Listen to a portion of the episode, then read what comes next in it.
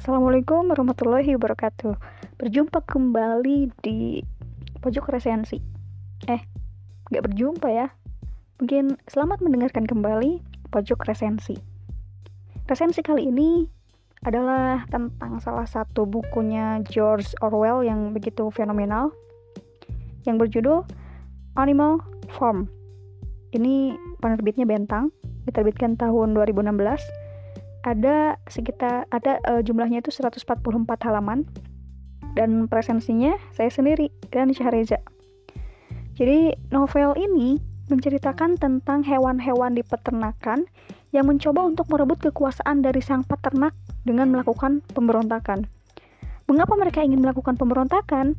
Alasannya karena mereka menginginkan kebebasan. Mereka ingin merdeka, tidak mau diperbudak oleh manusia. Lucu juga ya. Jadi sebenarnya agak-agak menyindir juga sih novelnya George Orwell nih. Jadi hewan-hewan itu ingin lepas dari sistem kapitalis si peternak dan ingin menerapkan sistem sosialis yang uh, apa intinya itu kan sosialis itu sama rata sama rasa. Tapi dengan berbagai intrik pada akhirnya sama saja. Ujungnya semua kembali diperbudak oleh siapa yang memegang kuasa. Pokoknya novel ini menarik banget sih.